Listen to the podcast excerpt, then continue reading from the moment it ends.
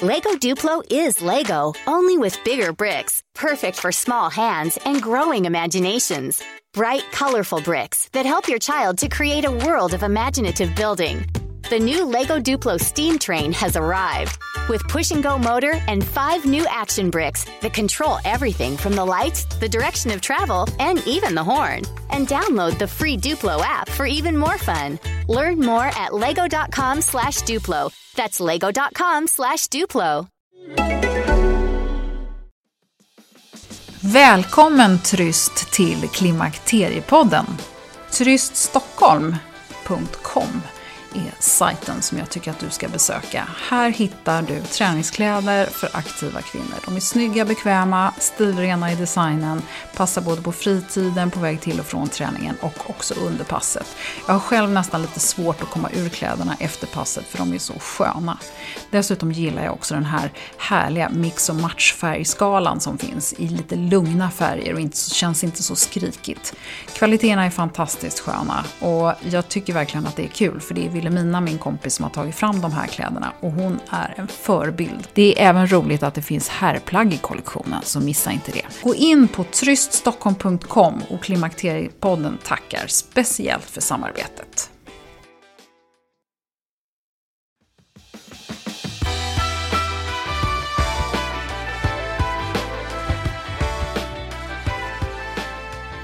Hej och välkommen till Klimakteriepoddens 25 avsnitt med mig, Åsa Melin.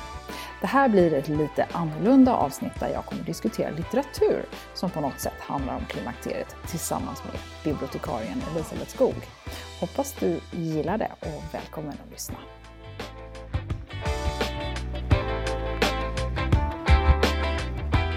Elisabeth Skog, vi har fint besök från Halmstad här i Klimakteriepodden idag. Välkommen! Tack så mycket!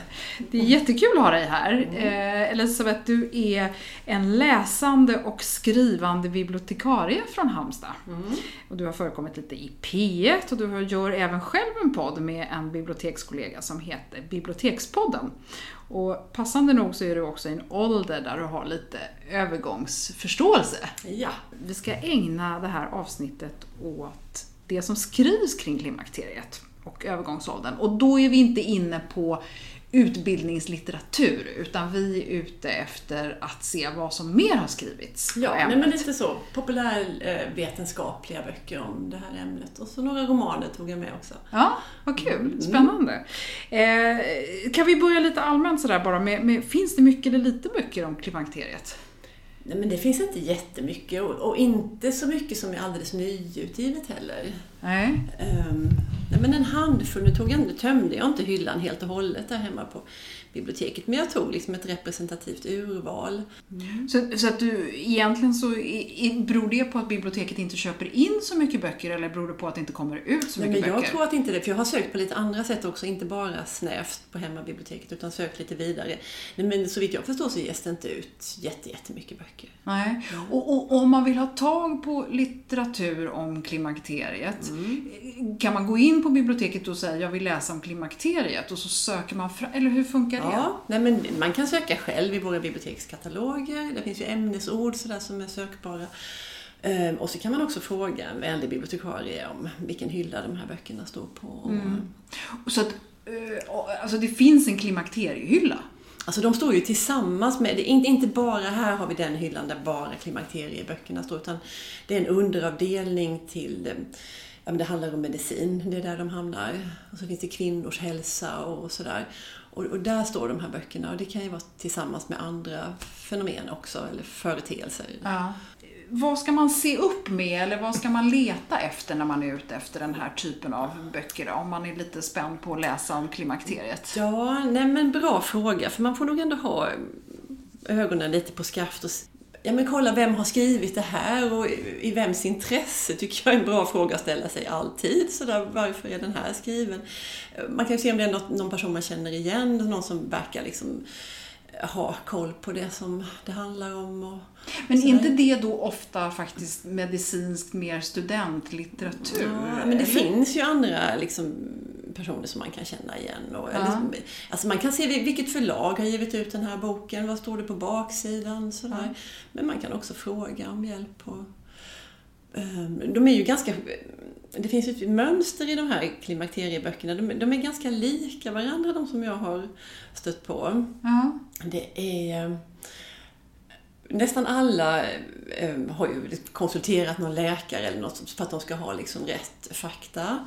Det är det ena. Och sen så är det ofta sådär att de har intervjuat personer och så är det liksom vittnesmål om sådär Anna, 52, berättar lite grann om hur hon har upplevt klimakteriet. Och, och sådär. Så det är fakta blandat med personliga eh, liksom kort, kortare eller längre berättelser. Och i någon bok så är det kända personer som har berättat om sina klimakterieupplevelser och hur de har mått och sådär. Um, Så det är liksom faktabaserat och sen så har man då försökt väva in lite vetenskaplig grund många gånger. Ja, och mycket det här personliga vittnesmål verkar vara grejen. För det är det nästan i alla de här böckerna som jag har hittat. Men det, det är kanske inte så konstigt för jag tänker att man vill kunna identifiera Mm. sig. Som läsare så blir det viktigt att man känner att man... Precis, eh, och, ja, och att klimakteriet kan ju verkligen uppföra sig på massa olika sätt Ja. hos många olika kvinnor. Så det kan ju vara bra att man kan läsa om någon som har haft det precis som jag.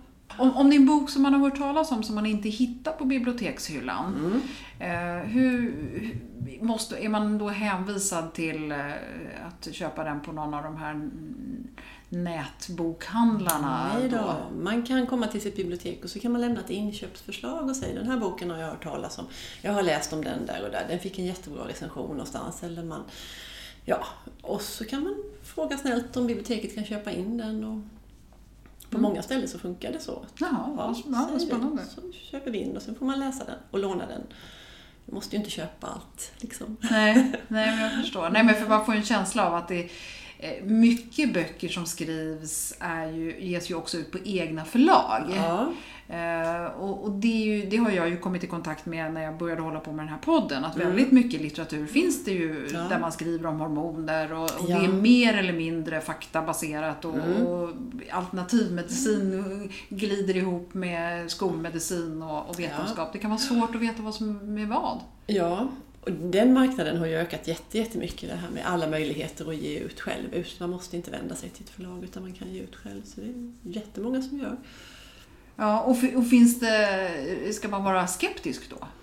Om det inte... Ja, men nu är jag ju lite yrkesskadad här. För jag, om det är ett förlag som har valt, ett, ett schysst, bra förlag som man känner till som har valt att ge ut en bok. För mig är det ju en liten kvalitetssäkring. Alltså att, att någon, har, någon som sysslar med bokutgivning har bedömt att det här är någonting som håller över tid och som, som eh, att det är en kvalitetsstämpel. Ja. Sen är det ju inte samma sak som att alla böcker som folk ger ut på egna förlag skulle vara sämre eller undermåliga. Och det kan ju vara så att, att förlagen sen kan ångra sig, och att de, de gör ju fel ibland. Himmel, tänk bara på Astrid Lindgren som blev dissad på flera förlag innan hon fick ut. Jag, jag tänker på de här böckerna som du har valt ut idag. Vi ska komma tillbaka till eh, vilka böcker det är. Men Ja. eh, är de alla skrivna av svenska författare? Eller Nej, finns det mycket nej. på utländska? Ja, men jag tog lite, en liten internationell kompott Ja. med mig. Mm. Ja, vad kul. Eh, en sak som jag bara vill, innan vi går in på de här böckerna Mm. som du har valt så har du haft en reflektion här som du sa till mig. Du Ja. blev lite irriterad också här. Ja. Nej, men först blev jag förvånad och sen blev jag irriterad. Nej, men för nästan på baksidestexten på alla de här böckerna som jag har med mig, utom en, eh, så står det att det här att klimakteriet, det här är en faktabok om klimakteriet och den humor är med. Det är en skojig bok, det är roligt. Man blandar in humorbegreppet i, i Ja, det verkar, så kon- alltså, det verkar så konstigt, eller Ja. hur? Det är, inte, Ja men visst är det är det en intressant. faktabok så är det väl en Mm. fakta, eller? Visst, och ingen skulle ju skriva en men tänk andra fackböcker som vi har liksom om olika historiska, om vikingatiden. Det står ju aldrig sådär, det här är en humoristisk bok om vikingatid. liksom. Eller om hur man uppfostrar sin hund eller hur man sköter sin trädgård. Alla de här andra, det, det händer aldrig. Men just det här så var det så himla viktigt att, att det skulle vara lite humor med. Det skulle kryddas med lite humor. Och det skulle jag vilja liksom fundera jättemycket och prata med, med dig och massa människor om. Liksom, varför måste det skojas om klimakteriet? Men är det för att det är så tungt ämne eller tråkigt ämne så tror man att man ska vet locka läsare då, eller? Är det lite pinsamt sådär med äldre kvinnor som plötsligt blir jättesvettiga eller mm, rynkiga och sådär? Är det, är det liksom något genant med det? Lite pinsamt Ja. så vi måste skoja till så vi måste skoja till det lite om för säkerhets skull så att ingen ska bli liksom illa berörd eller sådär. Det är bäst vi skojar lite.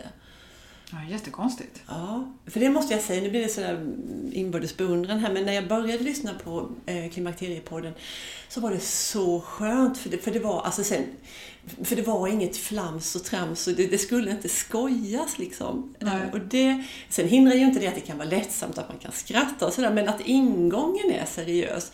Och det tycker jag är så påfallande med flera av de här böckerna som jag har med. Och om man, om man tänker på eh, ungdomar idag är ju otroligt upplysta när det gäller mens. Ja. Det, det finns ju hur många, i alla, men det är kanske mer Youtube än, än Ja, men böcker, det, är, eller? det är likadant på böcker, med böcker. böcker Skojar som man om sig det då? Till, nej, det tror jag inte. Nej, Nej. nej. okej. Och jag har svårt det- att tänka mig något manligt fenomen sådär som det skulle skojas om heller. Sådär. Erektionsproblem. Ja, ha, en skojig bok om... Nej, nej, nej, nej. Berätta nu, vad har du Mm. valt ut för böcker idag? Ja, men kära nån. Ehm, En som är väldigt representativ för det vi har pratat om nu. Den heter Klimakterieboken med bilder av Cecilia Torud. Cecilia Torud, det är hon, Hon ensamma mamman och Ja. Smulorna och allt vad det är för någonting. Men det här är liksom en... Den kanske vi egentligen skulle ha gallrat för den är ju... Och så är det så gulligt tycker jag när man ger ut en bok och så skriver man sådär att, att den är liksom full av aktuell fakta, liksom aktuell forskning och, och, och så går åren och nu... Nu är den inte aktuell. Nej, inte alls. Fast det kan vi också konstatera att eh, aktuell forskning är ju, eh, alltså det, det görs inte kopiöst mycket forskning. Det kommer ju inte ut nya fantastiska grejer varje år. Nej. Det har vi ju också förstått eh, faktiskt. Genom den här poddens livslängd. Ja. Ja, okej. Ja. Berätta, är den ändå värd att läsa? ja, den är ju... Så här står det då. Här berättar Elisabeth, 57 år. Det, det är ju mycket så som vi kanske sa här innan vi började. Att det, det är liksom medicinsk fakta som är skriven på ett begripligt sätt även för en lekman. För som sagt, det här är ju inte böcker som vänder sig till läkarstudenter utan det här är ju för intresserad allmänhet. Sådär. Så är det fakta, text och så um, varvas då med liksom personliga vittnesmål. Eh, så, ja men den är helt okej. Och är den, är den sån där som man läser pärm till? Och tycker jag, alltså är det lite... Nej, det är ingen av de här faktaböckerna är en sån pärm till pärm utan här, här finns olika kapitel då om man vill veta mer om eh, torra slemhinnor så finns det ett kapitel om det och blodvallningar. Det tycker jag känns lite gammelmodigt sådär. Ja. ju från 91. Vilket år? 91. 91, är den. ja, men det jag tycker är den gammalt. Det Ja. är gammalt, Ja. absolut. Okej. Eh, Vi kan lämna Ja, den tar och så kan vi gå till en bok som jag tycker jätteilla om. Jag blir lite upplivad när jag får dissa någonting. Mhm. Och det är den här. Det heter Övergångsåldern med eller utan hormoner. Och så vitt jag förstår så är det en dansk läkare som har skrivit den här. Som heter Jerk Langer. Den kom 2008. Ja. Jag har väldigt svårt för den här typen av omslag. Nu är det här radio så ni kan inte se det men det står en lycklig kvinna på tå vid havet och havet brusar. Och hon ser Sanden ut som hon är ganska ung också. Ja, hon är ju ung och helnöjd med det mesta. Sådär. Ja. Ja, vad kan hon vara? 30 max. Ja, eh, och sen tycker jag det blir sån himla... För den här inger mig något speciellt. En liten varningsflagg sådär. Eh, för det, det är alltid så fint och det ska vara havet sådär på omslaget, Det tycker jag är så tröttsamt. Men sen, vad händer när man öppnar den? Sen är det jättefula illustrationer som är tecknade illustrationer, men som den här. Men du ser liksom stilen, så jag tycker det, det blir sån liksom diskrepans. Här är det nu en kvinna som ser ut som hon är integrerad med ett äpple på något märkligt sätt. Ja, okej. Ja, Mm. Ja. jag förstår. Ja. Ja, men du ser liksom bilden på omslaget, Ja, det fin passar inte havet och sen så är det jättefula teckningar. Och sen är den här, det är nästan som en, sms-bok. För det är extremt korta liksom, fakta. Det är liksom, hela boken är nästan punktad så här. Det är precis som att de, åh, man orkar nog inte läsa så mycket så för säkerhets skull så har man skrivit väldigt korta Och det är ju ännu jobbigare att läsa då. Eller hur? Jag tror att, men det, ja, det kanske är Men blir det här lite en uppslagsbok då? För nu råkade du slå upp en sida där det står migrän och huvudvärk till exempel. Mm. Och så får man lite känsla för varför det kunde sitta ihop med Ja men det är kanske, ja men precis, man kan slå upp något lite snabbt och läsa lite kort. Då blir ju det jättesvårt när man har lånat den på biblioteket på två veckor. Ja, fyra veckor får man ju. Att man Ja, hinner okej. kanske bläddra lite. Ja, men det gäller att alla problem kommer samtidigt. då. Ja. Och sen tar vi en amerikansk kvinna då som heter Gail Sand, eller Sand säger man väl då. Är det varmt här eller är det bara jag, heter den. En personlig studie av klimakteriets villkor och våndor. 94. Det här är ju nästan så här historiska Ja, dokument. Jätte, alltså, alltså det är klart att klimakteriet har ju funnits väldigt Absolut. länge. Men det och, ja, men ju också in, på något vis intressant ändå att se. Nu har jag ju inte lusläst så att jag kan inte göra det, i alla fall inte här på rak arm. Men jämföra liksom hur, vad det är som var problemen då och hur det är nu och vad som, att saker har ändrats och hur det skildras. Alltså det som väl framförallt har ändrats är ju om vi då går tillbaka till den här VHI-studien som kom 2002 när plötsligt de här larmrapporterna om eh, östrogen kom. Innan den kom Ja. 2002 så Ja. åt ju ungefär 50% av alla, eller åt, tog ungefär 50% av alla kvinnor i Sverige östrogenersättning under sin eh, övergångsålder på ett eller annat sätt. Medan idag är vi nere i 7% och nu pratar vi storstad, de här 50%. Så det kanske var hela landet vågar jag inte svära på. Nej. Men det är ju intressant för det här är ju före. Det här borde ju vara östrogen. Hypen. Ja, Ja, eh, jo men det kan man nog säga att det är. Eh, men hon är så otroligt skojfrisk den här. Eh, hon, hon älskar liksom att skoja till det i var och varannan mening. Eh, sådär lite ordvitsar och, och skämt sådär. Men, men det, här, det här är ju mer en sammanhållen liksom berättelse som börjar med, fast det är fortfarande facklitteratur då, som börjar med när hon känner av, när hon liksom börjar, nej men oj nu har jag kommit till klimakteriet och sen hur hon eh, agerar och hon söker hjälp på flera olika hos flera olika läkare med olika inriktningar och hon liksom prövar och analyserar och sen går hon vidare och testar något annat. Så, där. så den, jämfört med den här dansken som vi la ifrån oss nu så är ju det här, det är ju mer det blir lite intressantare då kanske Ja, att men läsa. på något vis, Hon ja. håller på och eh, kör lite biohacks på sig själv Mm, kan man väl ja, men kan man säga. Ja, precis. Okej, ja men det kan väl vara lite Ja. spännande. Och det känns inte allt för gammalmodigt. Nej, det gör det kanske på något sätt, men, men, liksom, ja, men ändå ganska intressant. Lite Men. Gail Sand och... Är det varmt här eller är det bara jag? Ja, okej. Ja. ja, ja. Och sen hade jag med en, en arg bok. Jag sa det var mycket humor och skoj, men sen var det en som är förbannad. Och det är Blod, svett och tårar heter den. En ilsken bok om östrogen. Och det är Lena Katarina Svanberg som har skrivit den. Ja, den uppmärksamma lyssnaren har lyssnat på avsnitt eh, nummer två med Amelia Adamo och då nämner hon den här klimakterielimpan vars recept eh, fanns i, i, i den här. Och, och då skojade Amelia och jag lite grann om huruvida det räckte med att baka en limpa för att bli av med sina kväll, eh, besvär så var ju det bra. Och den finns på Facebook-sidan faktiskt om man nu vill baka den Okej, limpan ja. som är tagen ur den boken.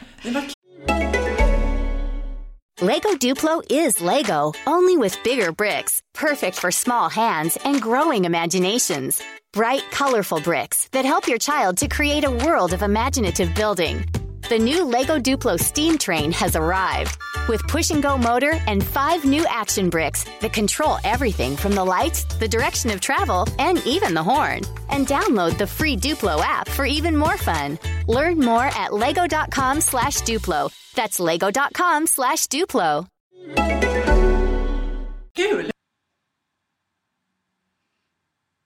Så orkade inte jag läsa hela. Jag skaffade Nej. boken för att jag upplevde precis som du sa att hon var arg. Ja, hon är jättearg lite onyanserad. Hoppas inte hon lyssnar, eller det kanske hon gör. Men, men lite onyanserat arg. Det är bara ilska. Hon dissar ju helt och hållet eh, liksom allt som osar, osar östrogen och att hon är väldigt inne på att den ja, med lite reservationer, men, men att det är någon sorts, liksom, att det är läkemedels, i läkemedelsindustrins intresse det här att, att kvinnor som käkar östrogen är mer eller mindre lurade.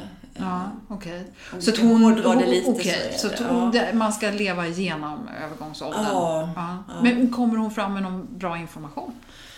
Ja men det gör hon. Jo, det kan man väl ändå säga att hon gör. Fast jag, ja, jag vet inte. Sen har ju tiden gått. Den här kom 2003. Det har ju hänt mycket. Det, det, är väl mycket sådär ofta att det pendlar så att man, sen man, först är man för någonting och sen så, så är det någon rörelse som kommer, det här, så är man väldigt mycket emot och sen så kanske det pendlar tillbaka och så, så ehm, Ja, jag tycker hon är lite väl kategorisk. Men det var lite väldigt uppfriskande ändå efter all denna glädje och skojsan och humor. Så var det på ett vis lite roligt att någon var förbaskad här. Är det här en bok som man läser pärm till pärm? Ja, lite. Det kan man göra. Ja. Ja. Så den är ändå, det är ingen roman men den är ändå lite så lätt eh, forcerad. Ja, jag, kan, jag, har, jag har kommenterat lite här själv. Ehm, på något vis så tycker jag att, att hon bagatelliserar problemen lite grann, har jag skrivit här. Och det, det, det tycker jag kanske att hon gör. Men hon kanske var en av de kvinnor som var lyckligt lottade att gå igenom det här utan särskilt mycket symptom själv. För det tycker jag, för det har man stött på i flera av de här böckerna att, att många som tycker, nej men det där, och då är det sådana som inte Det är inget haft att snacka om. Nej, Ja. det är väl bara att sådär. Köra på. Ja. Ja, men det är precis som det är alltid kvinnor som tycker det är löjligt att raka benen. Det är alltid de som inte De har någon hårväxt. och då är det så himla lätt att tycka att nej men det där, varför håller ni på med det? Jo, men hon hävdar ju det att det här med klimakteriet, det är någonting väldigt naturligt med klimakteriet och det är liksom ingenting som vi behöver medicinera bort. Nej, men Eller- vi får prata om det. Men vi ska, Ja, ja. Nej, ja det får vi. och sen så, jag tror att en av hennes huvudteser här det är att det är läkemedelsindustrin som gör helt normala, vanliga kvinnor till patienter.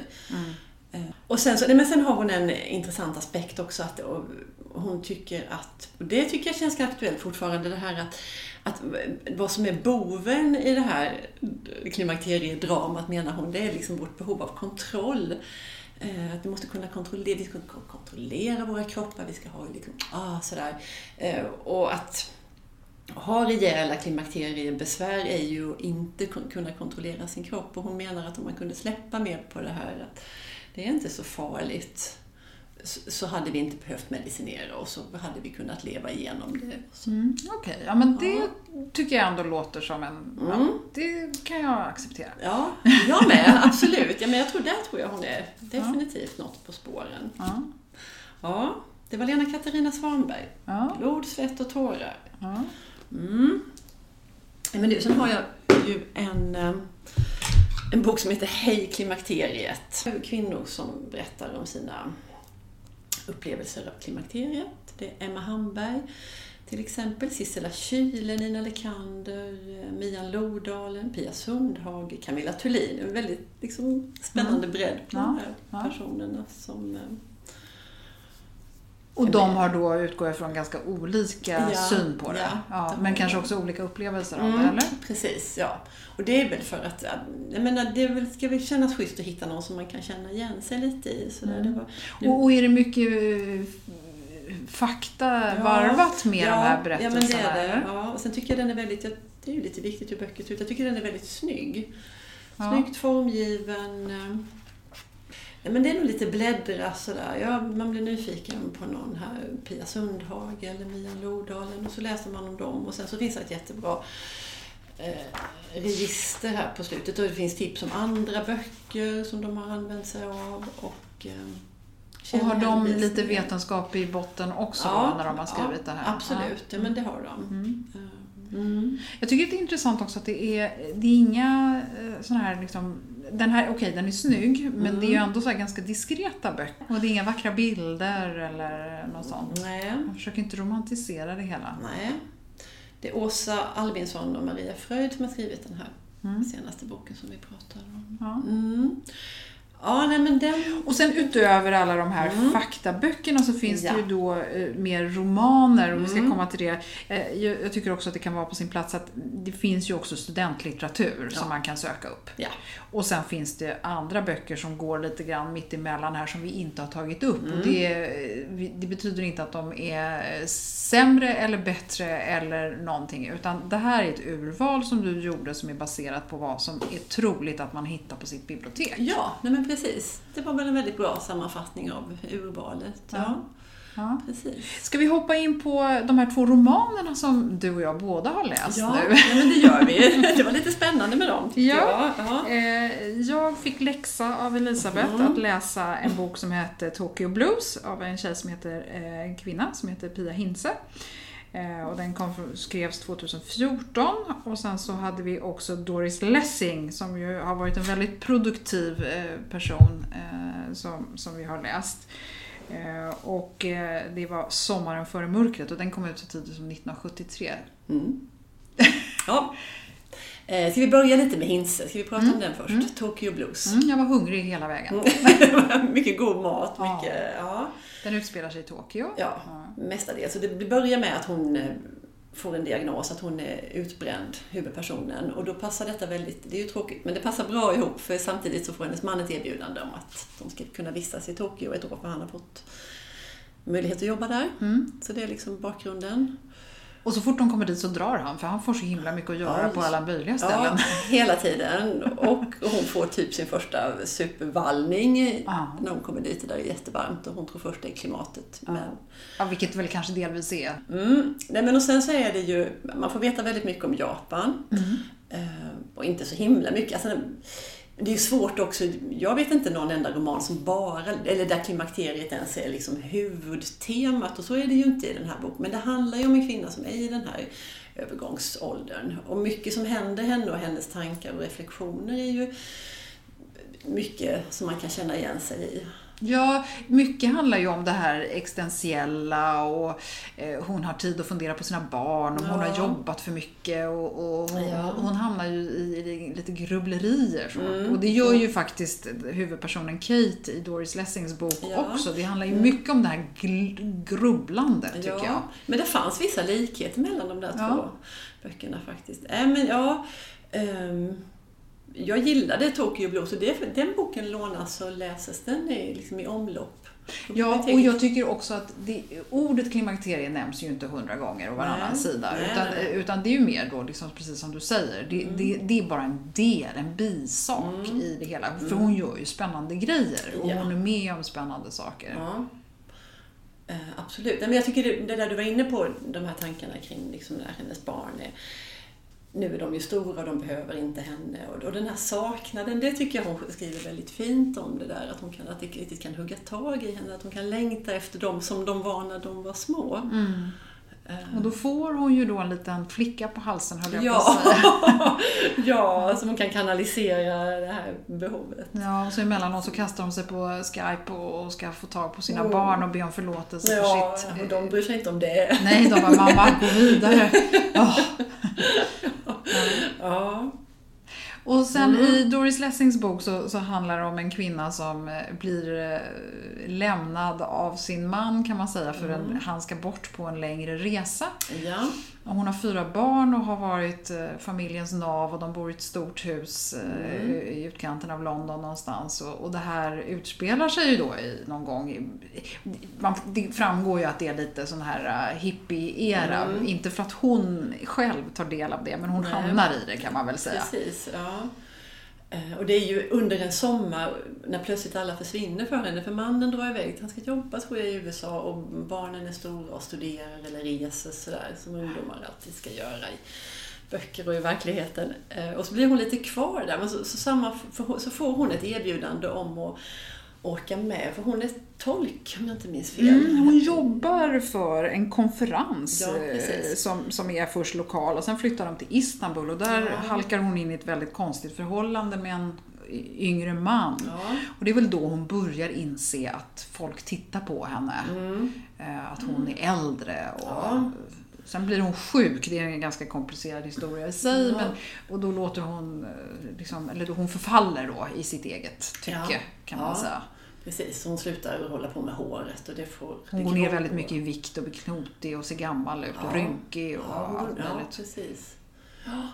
Ehm, ja, men, och, så boken är den här sommaren och hennes liksom, reflektioner. Och det, det låter lite ödesmättat det här sommaren före mörkret. Ja. Och hon är ju på väg in i klimakteriet. Ehm, Ja. Hon är bara 45 år. ja, precis. Men, Mm. men hon, ordet står, K-ordet står nämnt på flera. Kodet är med hela tiden och Mm. hon 45 är ju inte konstigt. Nej. Även om det är relativt tidigt. Nej. Men Jag, jag tyckte nog bättre om, om Doris Lessings bok än, än Pia Hinses. Även om den kan kännas på något vis lite mossig och kanske lite förlegad. Ja, det var väl det jag hakade upp mig på. Ja, Jag tyckte att det- hennes kvinnogestalt var lite förlegad. Jag hade svårt att, Ja. att identifiera sig med hennes problem. Mm. Men, men det är ändå en väldigt spännande tråd i boken med det här hur hon försöker på något sätt fånga någonting som är ja, illustrerat i, i form av en säl då. Hur hon Mm. försöker liksom hålla tag i någonting som... Ja, hon drömmer om en säl massa Ja, gånger. precis. Hon ska rädda en säl. Och det är väldigt målande beskrivningar av hur sälen är skadad och den är jättetung och hon Mm. måste bära den. Och, nej, men det, det tycker jag är spännande att tänka. Bäraren och räddaren och, Ja. och, och, och lite så. Ja. Men jag ville nog tro att det var sig själv hon ville rädda där huvudpersonen. Att hon Ja, och för mig kändes det lite som att livet höll på att slinka ifrån Ja, henne. Att hon inte ja. riktigt hade koll på grejerna. Liksom. Nej. Nej, och hon skriver också precis det här som du sa, att hon har varit de fyra barn och man. Och att hon har varit den här samman... Att hela den här familjen, den stora familjen och andra lite släktingar och vänner. Så att hon har, det är som en organism sådär och att hon har varit den som har hållit ihop alltihopa. Och det, jag tänker att ofta så är det ju så fortfarande, även om den här liksom utspelar sig i slutet på 60 eller 70-talet och nu jobbar vi mycket, mycket mer och eh, sådär. Men jag tänker ofta så är det fortfarande så att det är kvinnorna som, som har det här dubbla eller tredubbla ansvaret eller att hålla ihop allting och att, och hur, att hon är så trött på det och samtidigt så det där paradoxala att hon också saknade när ingen behöver henne längre. Vad ska hon göra nu? Vem är hon nu? Mm. När, när eh, den här tiden är över. Mm. Ja, nej men det... Ja, nej men någonting fint var det i den Mm. eh, ändå. Jag, jag slarvade lite på de sista sidorna så Ja, jag, jag kanske ska gå tillbaka lite grann. Du har eh, ytterligare en bok här som, Ja. som får avsluta vår... Precis. eh, Och det går väl inte att prata om böcker utan att nämna Kerstin Thorvald? Nej, men det gör det inte. För det var den första jag tänkte på när vi började resonera om det här med eh, så var det Kerstin Thorvalds bok. Och hon skrev en bok som heter Tänk om det är klimakteriet. Det är ju som en skönlitterär bok och hon har skrivit dikter som hon har väldigt sådär berättande hur hon själv har det och sådär. Men sen är den väldigt eh, men den är väl också, tiden har kanske gått ifrån den. Fast jag gillar Kerstin Thorvald. Jag tycker hon har blivit mycket orättvist behandlad både i media och av alla möjliga. Ehm, är allt det här med, med eh, kvinnlig bekännelselitteratur som det hette när hon skrev det. Och när Ulf Lundell skrev samma sak så var det något helt annat och mycket finare. Det där är ämne för en annan podd. Men eh, när Kerstin Thorvald i alla fall, när hon knackade på hos Bonnier så berättade att hon ville skriva en bok om, om klimakteriet så fick hon till svar där då att ja, det kan du kanske få göra, men måste du välja ett så smalt ämne, säger Gerhard Bonnier till henne. Ja. Och det tycker jag är så... Ja, det tål ju att skrattas åt, men det är liksom lite signifikant för, för det här. Är det en bok som är en roman? Ja, det Ja. är det. Men är det mycket självupplevda eh, övergångsbesvär? Förmodligen så är det det. Ja. Ja, Eh, Och hon, hon testar också östrogentabletter och hon blir jättekonstig av dem. Och, och så slutar hon och så börjar hon igen. Så det är en ganska liksom, Ja. detaljerad beskrivning av hur hon prövar sig fram. Och, men, men, men mycket, hon skriver ju väldigt sådär eh, odramatiskt om, om att vara äldre och känna lust och hon tycker om yngre män. Hon dras till dem och hon åker utomlands och träffar. Och det är mycket sådär otillåtna grejer som hon skildrar.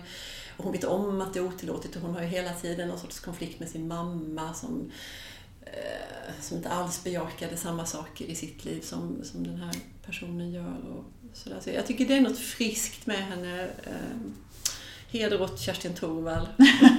Okej, okay, men då får Kerstin, eh, med de goda orden, så får hon avsluta det här. Mm. Vad roligt eh, att få en liten litteraturvinkling på det här. Mm. Inte bara det vetenskapliga, faktamässiga, utan även också lite andra reflektioner. Tack Elisabeth för att eh, du ville ställa upp idag och att vi ja. fick prata om det här och att du har tagit dig tid att göra hela den här researchen mm. också om de här böckerna. Det har varit jättespännande och väldigt roligt. Ja. Tack själv för att jag fick ja, komma. Vad roligt. Mm. Och på eh, Facebook-sidan så lägger vi upp, för den som inte hann notera det här och blev sugen på någon av böckerna, så lägger jag upp en litteraturlista. Men det är bra. Ja. Det gillar vi. ja. Bra. Tack. Tack, tack.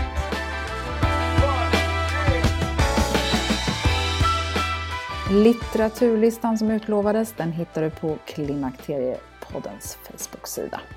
Ett annat litet tips som Elisabeth skickade med, det var att kanske ta och välja ut någon av de här böckerna och diskutera dem med några vänner i en bokklubb. Är man ute efter en mer faktabok så kan jag rekommendera en som heter Klimakteriet som finns tillgänglig genom studentlitteratur. Den har många namnkunniga medförfattare som bland annat Mats Hammar, Angelica Lindén Hirschberg och Tord Messén som ni alla har hört här i podden. Den rekommenderas bland annat till läkarstudenter och den är ganska avancerad så den kräver att man är relativt påläst. Men om man orkar ge sig in i det här så eh, är det mycket fakta som man kan ha nytta av. I nästa avsnitt så ska vi få höra Peter Emanuelsson. Han är plastikkirurg och vi ska tala om inställningen till estetisk kirurgi. Vad kvinnor mest önskar sig och vad som ger bäst effekt, men också lite varningar för vad som inte löser sig med hjälp av kniven. Eh, och så lite grann om sånt som kan ge en bättre livskvalitet. Så välkommen att lyssna snart igen.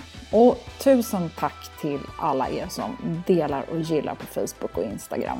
Och alla glada tillrop! Och så får ni gärna gå in på hemsidan där du hittar alla avsnitt. Vissa kan vara värda att repetera. Och hoppas att du är med och lyssnar snart igen. Så tack för den här gången och hejdå!